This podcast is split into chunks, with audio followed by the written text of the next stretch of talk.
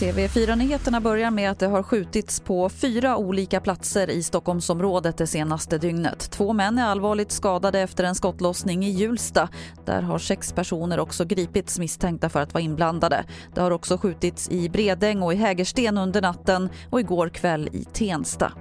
Natten till idag har polisen larmats om flera bilbränder i Bäckby i Västerås kommun. Larmen kom tätt och minst tre bilar har brunnit upp. Polisen utreder det som skadegörelse och om man tror sig ha sett något som har med bränderna att göra så uppmanas man ringa 114 14. Så till USA för New Orleans, den största staden i delstaten Louisiana, är helt utan ström efter att orkanen Ida slog till där igår. Nu uppmanas folk att överhuvudtaget inte ge sig ut i ovädret. Stefan Borg rapporterar från USA.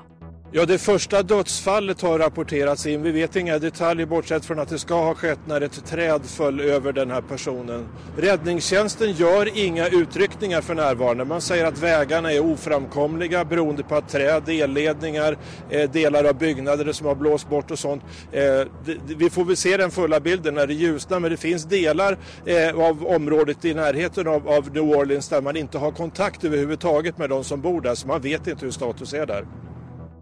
Det var det senaste från TV4 Nyheterna. Jag heter Lotta Wall.